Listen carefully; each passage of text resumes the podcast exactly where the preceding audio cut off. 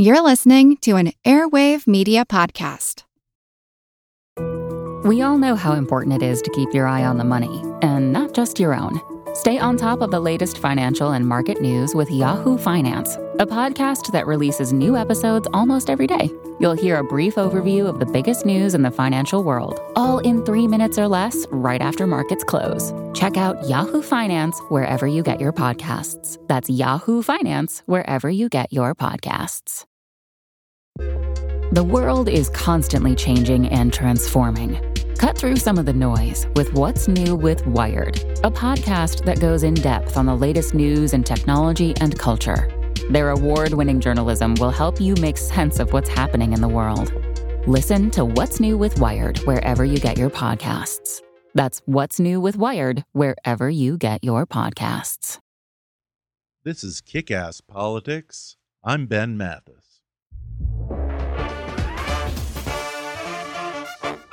Hi, folks. Before we start the show, I want to ask for your help. If you enjoy Kick Ass Politics, I hope you'll help us reach our goal of raising our full production budget for 2016 by donating on our website at kickasspolitics.com or at gofundme.com backslash kickasspolitics. Thanks for listening, and now enjoy the show. I would build a great wall, and nobody builds walls better than me, believe me. Nobody would be tougher on ISIS than Donald Trump. I will be the greatest jobs president that God ever created. You know, I have very high aptitude. I'm really rich. I'll show you that in a second. I'm like the most popular person that's ever lived. And by the way, you know, I always say what a good, you know, like I was really smart. I'm very handsome. That's the only thing I can think of right now no one is more obsessed with Donald Trump than Donald Trump. Actually, you know what? I take that back. For as was John Hinckley Jr. to an 18 year old still straight Jodie Foster, so too is the American media's love affair with Donald J. Trump. They follow him around everywhere, carrying his books to school, hanging on his every word, that word usually being one of a handful of his favorite over the top superlatives like amazing, big, beautiful, or hugely classy, generally used to describe himself, but occasionally used to describe inanimate objects like, say, a wall or Melania. And the media, they eat up every awkwardly worded adjective. But just like real love, the media has different types of love for Donald Trump. You have the unconditional love of conservative news outlets like Drudge Report and Breitbart.com, for whom Trump can do no wrong, even when his campaign manager roughs up their own reporter.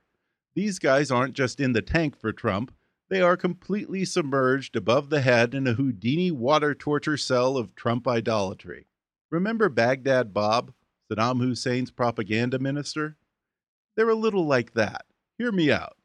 In Breitbart Drudge World, stuff like inciting violence or degrading women or having a weird relationship with the KKK just isn't considered newsworthy.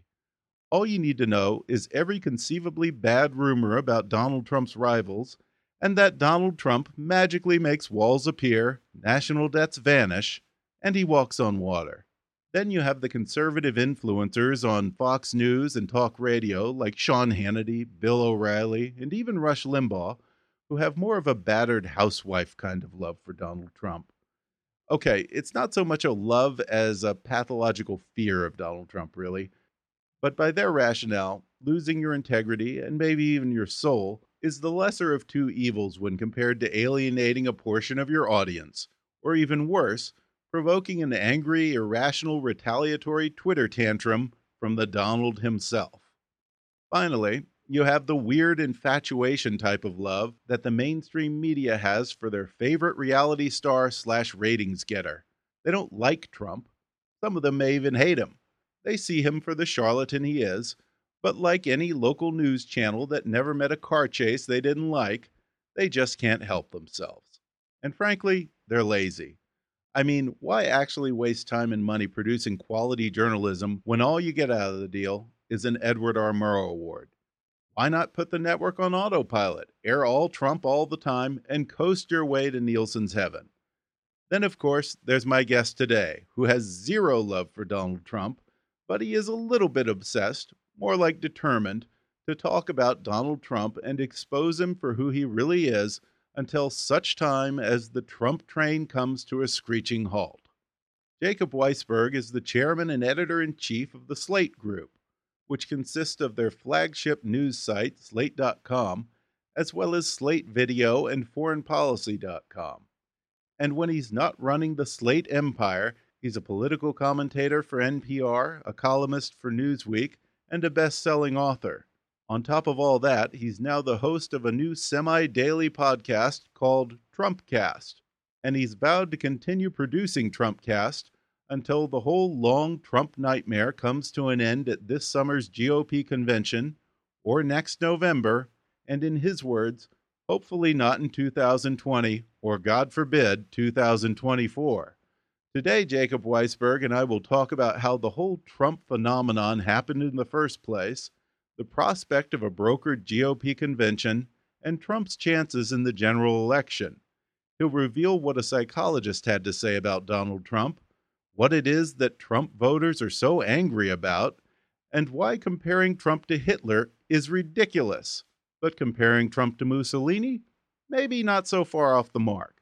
Plus, getting trolled by Trumpinistas on social media, and Jacob's review of Trump wine coming up with Jacob Weisberg, editor in chief of the Slate Group, in just a moment.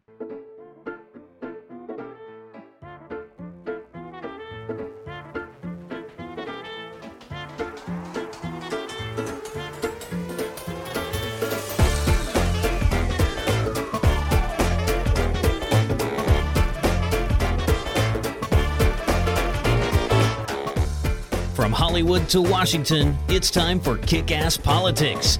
And now here's your host, Ben Mathis. I'm joined over the phone by Jacob Weisberg. He's the editor in chief of the Slate Group, and he has a new podcast called Trumpcast. Jacob, thanks for coming on the podcast. Uh, thanks for having me on, Ben. You know, Ben, we have a Ben Mathis Lilley at Slate. You aren't any relation to him, are you? You know, I'm not, but I actually I had your guy Mike Pesca on a few months ago. And when he posted that episode on Twitter, Ben Mathis, Lilley, and I kind of got in a Twitter battle over who has the right to the name. And my argument was anyone who's the real Ben Mathis wouldn't have to hyphenate the name. So yeah, fair point. Yeah. Well, I'm curious, what was your motivation behind you launching Trumpcast? Is this your way of trying to make sense of what's going on? Is it satire, therapy? Uh, well, a little bit all of the above, but I think making sense is the highest priority. I mean, I I I view Trump's pending nomination, although actually it's looking a little less certain than it seemed to be even a week ago. Uh, but as a as a kind of national political crisis, you know, I've been writing about politics, covering politics uh, since I was 20 years old, and I've never seen anything like this kind of threat to American values and American democracy. I think Trump is, a, is, is an authoritarian figure. I think he's someone more akin to the kinds of uh, uh, authoritarian leaders we've seen emerge in Eastern Europe, in Russia, and Turkey. And I, I just regard it as a kind of crisis. And I guess I, I thought in general people were insufficiently alarmed about it. And so I wanted to do a show that would sort of sound the alarm, but at the same time ask in a serious way how could this be happening in, in our country? I think so many of us who follow politics were were just taken by surprise. We didn't think this could happen, and it's happening. So I think it's incumbent to try on us to try to understand and go deeper and explain it. Yeah, and it's interesting that you bring up the authoritarian thing because I've always hated it when people compare anyone to Hitler. You know, whether it was the left saying that about Bush or the right drawing Hitler mustaches on President Obama's picture that always irritated me because it's really they were nothing like you know no one was carting people off to the gas chambers and all that but this is the first time when i actually start to think you know there are comparisons. Yeah and i guess i would say you know i think there are there is trump really does have a lot of fascist instincts that doesn't mean he he he's hitler. You know hitler was only one kind of fascist. Uh mussolini was another franco was another. There've been variants in latin america on fascism well in, in 60s. You know, there are a lot of flavors of authoritarianism.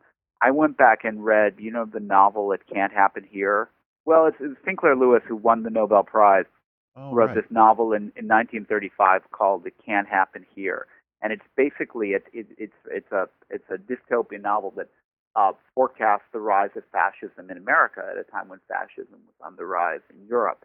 And it's actually not a great novel, although it's something people cite a lot because the title is sort of so catchy. You know, this idea that people said, "Oh, well, America's immune to fascism," and the point of the novel was it wasn't.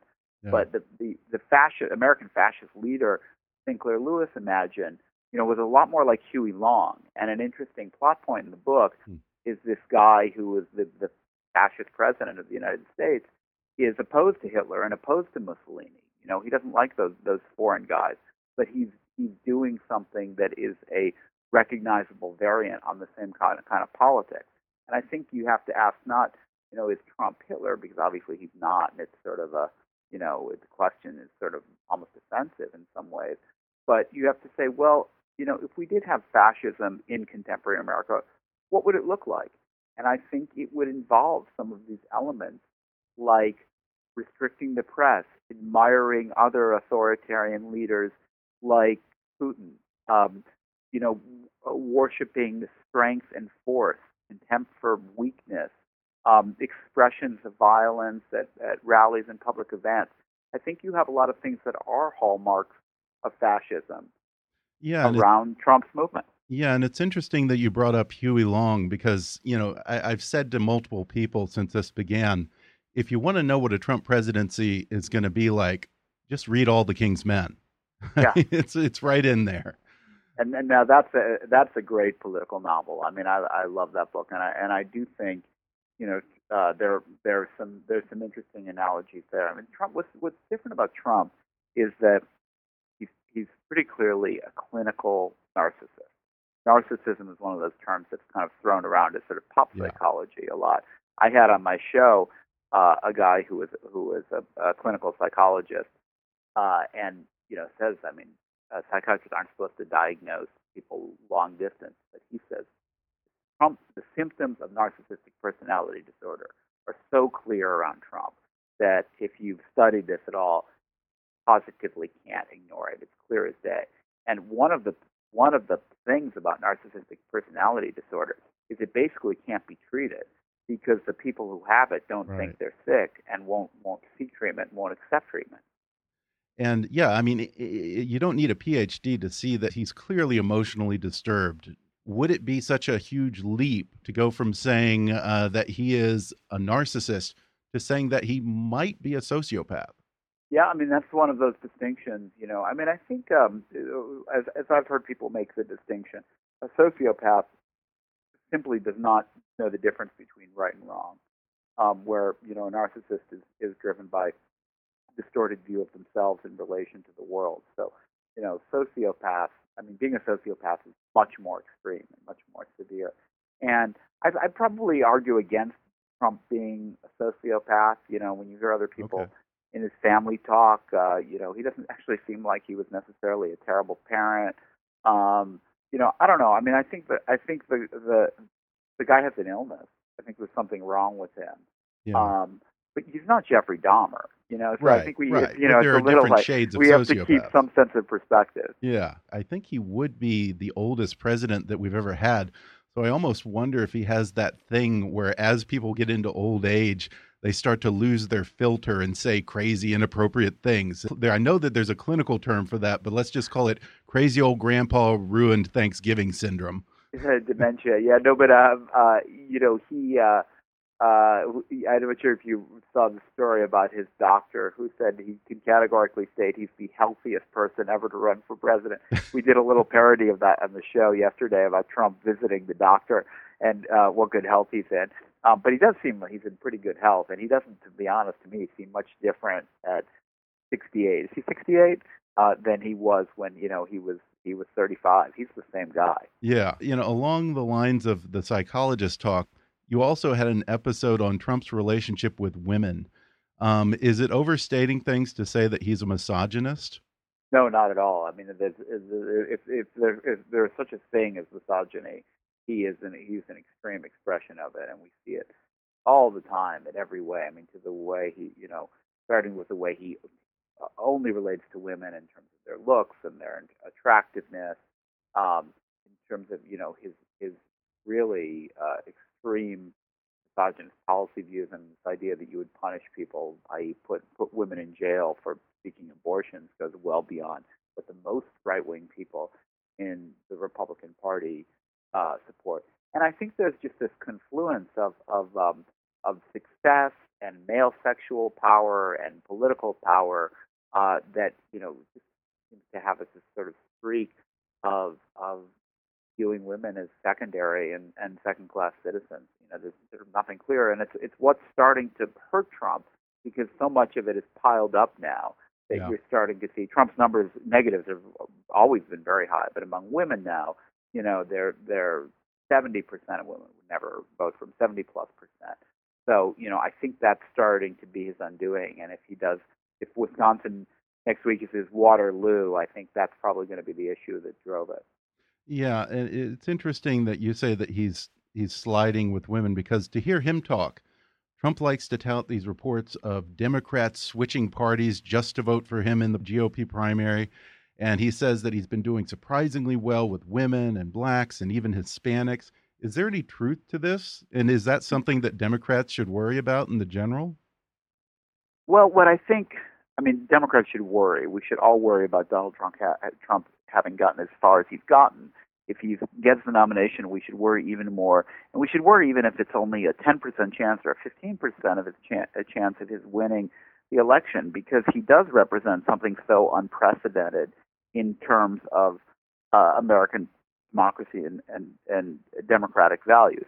But that said, you know, I don't. I, I think it's unlikely. He the people. There are people who are crossing over to vote for him in open primaries. There are people who, you know, sometimes will be referred to as uh, Reagan Democrats, white working class. Um, they are they are people who have been negatively affected by economic change and and Trump's nationalist economic nationalist message really resonates uh, with them. But what you've got to say on the other hand is that even men who fall into this category lots and lots of them are union members, union workers, mm. and the you know the unions, with the exception yeah. of the Teamsters, have have been very solidly democratic, and unions turn out their vote, and it's just hard to imagine unions that have always voted Democratic having their members come out and vote for Trump in substantial numbers. So I think he does have some appeal in that part of society and people who've been economic victims in, in, in that sense but I don't think that makes him mean you know means that he becomes a, a likely winner of an election against Hillary Clinton. Well, we're going to take a quick break, and then I'll have more with Jacob Weisberg, host of Trumpcast. Back in just a moment. Hey, folks, do you like reading but you don't have the time? Then maybe it's time to start listening to audiobooks. Audiobooks are the perfect thing to listen to on your drive to work or on the treadmill at the gym, or how about while you're cooking dinner or relaxing in the tub? You don't have to carve out an hour or two of your day just to focus all your attention on reading a book anymore, because audiobooks are great just about anywhere. And right now, you can listen to an audiobook for free with a special promotion for our listeners from audible.com. Just go to audibletrial.com backslash kickasspolitics for a free 30-day trial and a free audiobook download, which can be any of Audible's 180,000 titles for your iPhone, Android, Kindle, iPad, or MP3 player. That's audibletrial.com backslash kickasspolitics, or click on the sponsor link on our webpage at kickasspolitics.com to download the free audio book of your choice. And now, back to the show. We're back, and I'm talking with Jacob Weisberg, editor in chief of Slate Magazine and host of Trumpcast. So, Jacob, I'm still trying to figure out who the Trump supporters are and what it is that they want. And the only consistent explanation I keep hearing is that there's a segment of society that's angry. Everyone's really mad And I keep asking myself, I asked Bill Kristol the other day, what is everyone so angry about? You know, it's not Vietnam. There, you know, this isn't the Great Depression. Maybe you don't like Obamacare or you don't think Republicans in Congress are doing enough, but still, overall, life's pretty good. So, what is everyone so mad about? Yeah, well, it's funny. I mean, I, I, a little like you. I mean, I, I react against sort of anger as a blanket explanation of what voters are doing because you know Right. some voters are always angry about about something. Yeah. Some true. people are always angry about something. I think you know the the legitimate. If you wanted to say what is le- the legitimate issue driving Trump support, it's economic stagnation for for the working class Hmm. and uh, the growth of economic inequality. So while the country is in conventional terms doing pretty well economically, unemployment is down at or just under five percent. The economy's growing. Uh, you know, credits available. There are job jobs available. If you are a non-college educated worker, you have over the last couple of decades not seen your standard of you've seen your standard of living increase maybe in absolute terms in that the you know the TV you can buy for three hundred dollars a lot better than TV you used to buy for three hundred dollars. But in relative terms, relative to people who do have more education and better life opportunities, your prospects in society are going down. So that's fueling an anger that I think is legitimate, uh, and I think it's I think it is one of the biggest issues facing the country. But it's a complicated issue. It's an issue without easy easy answers, and it's an issue on which the answers that Donald Trump provides are pretty clearly the wrong answers that would make things worse. But I think it's because of that economic stagnation of lower middle class working people that Trump is is finding resonance to his economic message. Yeah, and these supporters seem to have almost a cult like following. I mean, he said that he could shoot someone and they would still vote for him. Do you think there's anything left at this point that would make his supporters question their allegiance to him? I mean, it's funny. He, he, he we may yet come to that. Him shooting somebody. Um, the there there have been several moments in the campaign where I think there was just an almost universal reaction. But now he's really gone too far. You know, Right. this comment about you know John McCain blaming John McCain for being shot down in Vietnam, or you know some of his comments about women or his comments about Mexicans. When you just say nobody can say that and survive in politics, and it has no effect on him. So, uh, or it's had very little effect on him so far. And there is this kind of base that it takes all that as you know the, the, as reasons to support him.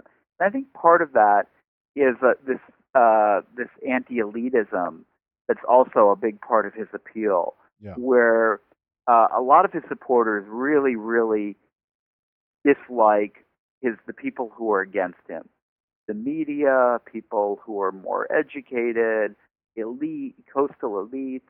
Um, there's a there's a kind of class resentment at the core of his appeal.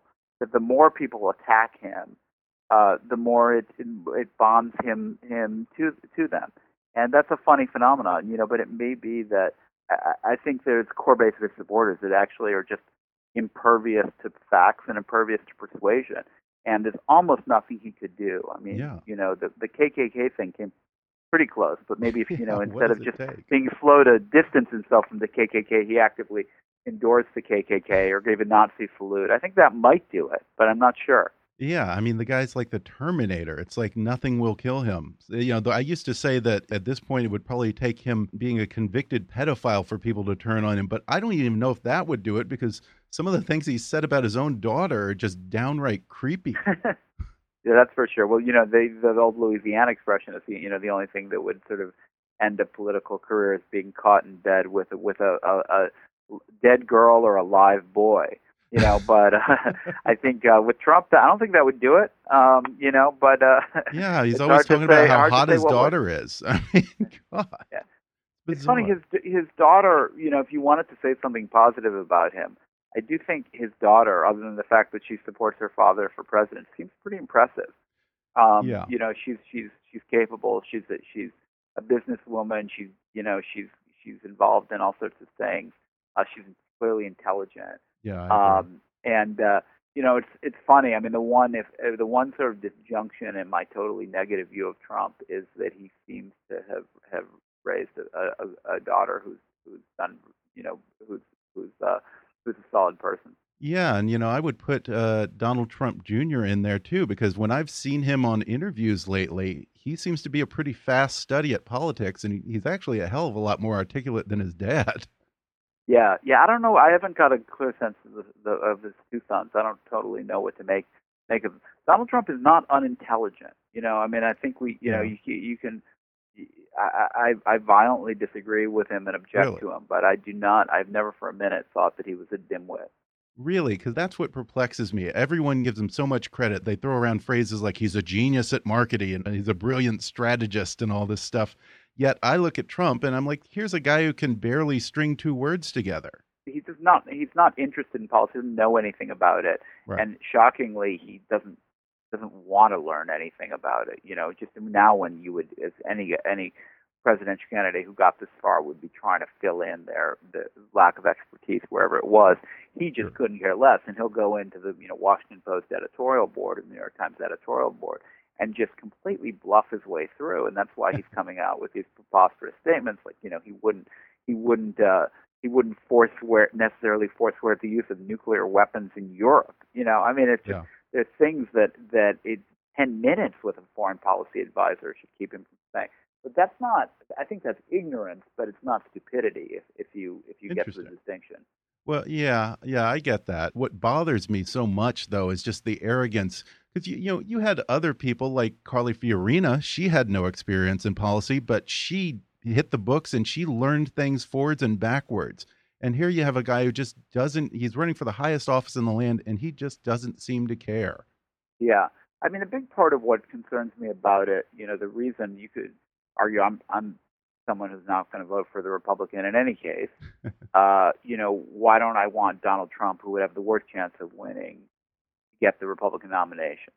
And the answer is largely what it says about the country and what it says about the country to the rest of the world. Yeah. And we have a two-party system, and to have a representative, to have the leader of one of those two parties be a bigot, uh, be a nativist, be a racist, and and be so open in his admiration for dictatorship and systems that aren't democratic, I think just sends this message to the rest of the world that the you know that the America they they depend on as a sort of backstop of democratic values is not what they thought, and, and to some extent it makes me feel that way too. And so that's you know that's why I really hope why I care more about who gets the Republican nomination than I think I've ever cared before. Yeah, yeah, I hear you. And you know, I've always been a very moderate Republican, and I'll be honest, I don't even feel at home in my own party anymore. I, I feel that I've been completely driven out of in whatever semblance of a rational GOP there ever was. And uh, that brings up another issue because I listened to your episode where you talked to Stuart Stevens, who was Mitt Romney's former campaign strategist, and he's running an anti-Trump super PAC he laid out all of these theoretical scenarios where Republicans could take the nomination from Trump at the convention. But the longer this goes on, I see Republicans grasping at straws and en engaging in what seems like imaginary thinking. And frankly, it, it seems increasingly desperate and delusional. I mean, does anyone really think we're going to be able to take this from him at this stage in the game? I actually think there's a pretty good chance. Really? Uh, I think if he if he uh, loses Wisconsin next week, you know he's he'll be pointed towards going to the convention without 1,237 delegates, and there at at that point the the convention rules and the credentials committee and all that comes into play. You know they set new rules every convention. The rules are kind of arbitrary in a lot of ways, and there is just no precedent that says if you go to the convention with a plurality of delegates but not a majority that you're entitled to it. Uh, so I think the party, if it if it can kind of eventually get its act together, will be in a decent position first to block him, and then to coalesce around some alternative, which will probably be a losing alternative. I mean, I think it'll be a losing alternative either way. If they nominate him, I think there'll be some sort of conservative third-party candidate. Stuart, Stuart Stevens was talking about that when I interviewed him. Um, and you know, if they if they deny it to Trump, probably Trump will you know run some sort of independent campaign. One way or the other, they're kind of screwed. Oh, um. But I think there's a chance that you know that if they nominate someone other than Trump, it helps to protect them in Congress and from losing important seats in the Senate and a lot of seats Yeah. in the House. And I think they're going to care about that. So the party cares about that. So I think I think there's a chance they'll they'll they'll keep it away from him. Yeah. Well, you know, I'll tell you, the guy I feel sorry for is Reince Priebus, the, the chairman of the RNC. I mean, you know, after the thumping that Republicans had in 2012, he did that whole exhaustive study and came up with this big strategy to soften the GOP brand and bring in women and Latino voters. He must be pri in private. He must be losing his mind right now. I don't know, but you know, I, I I don't I don't have much sympathy for him, Ben, because I don't feel that he's he's stood up to Trump. I mean, if No, those are your values, if you care about broadening the par- party's base, uh, you know, making it a party that looks more like the country, then you've got to challenge the, what Trump is saying and the values he stands for. And I don't think it's a given that the head of the party just has to be neutral. I think he was cowed, and I don't think he's done Yeah. anything really to challenge Trump to date. You know, he's sort of in a lot of ways he's he's kind of appeased Trump. Before we go, I, I have to imagine that you've had some interesting experiences with Trump supporters on social media. Well, you know, one thing that's that's sort of funny if you if you go on in the uh, iTunes store, my my show has uh, has a ton of five star ratings and a bunch of one star ratings, and and almost none in between. So it's pretty polarized. And the one stars, of course, are coming from the Trump people who say, "Oh, this is biased and unfair." Uh, and yeah, I hear from them on on social media a, a little bit. I mean, it's ugly, frankly. I you know some of that stuff. You know, when I when I get people tweeting at me anti-Semitic stuff or racist Yeah. stuff or Yeah. you know birther stuff about Obama. Life's too short. I mean, I block those people because I just I don't see the value. I mean. I want to know what what people are saying, but um, it's uh, it, it's unpleasant. And that, and that, I'm not saying all his supporters feel that way, but people who do feel that way are gravitating towards Trump rather than any other candidate. Yeah. Well, you've tried Trump wine on the show. How was that? Um, it was not good. Um, Felix Salmon, No. who knows more about wine than I do, tasted it with me. He said, "Well, it's like the wine you get on an airplane." I mean, it wasn't it wasn't undrinkable, but you would sort of drink it if uh, there were no other choice. It was a, it was a decent bottle of wine for five dollars, but I think it's about a twenty dollar price point for it. okay. Well, I don't trust wine or steak from a man who orders his meat well done, you know. But that's for sure. uh, you know, I wish you the best of luck with Trumpcast.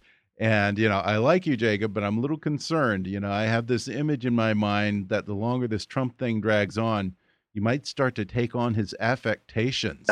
start spray tanning and dyeing your hair orange. You drive Slate Group into bankruptcy and leave your wife for I don't know Miss Hawaiian Tropics or something. so I can just see you gradually morphing into Donald Trump, and it's it's not a pretty picture. So stay strong, Jacob. Uh, no, yeah, no. The the show is uh, is about the crisis, and I've I've vowed it's going to stay on until he's he's done, until we're safe from Donald Trump. So, you know, my hope is that the show it doesn't have to be on that long, but I think it's a pretty good chance we're on at least till Cleveland, and you know, could be till November, and worst case scenario, who knows? Well, Jacob Weisberg, the podcast is called Trumpcast, and you can get it at slate.com or on iTunes. Jacob Weisberg, thanks for joining me on the show. Thank you, Ben. I enjoyed it.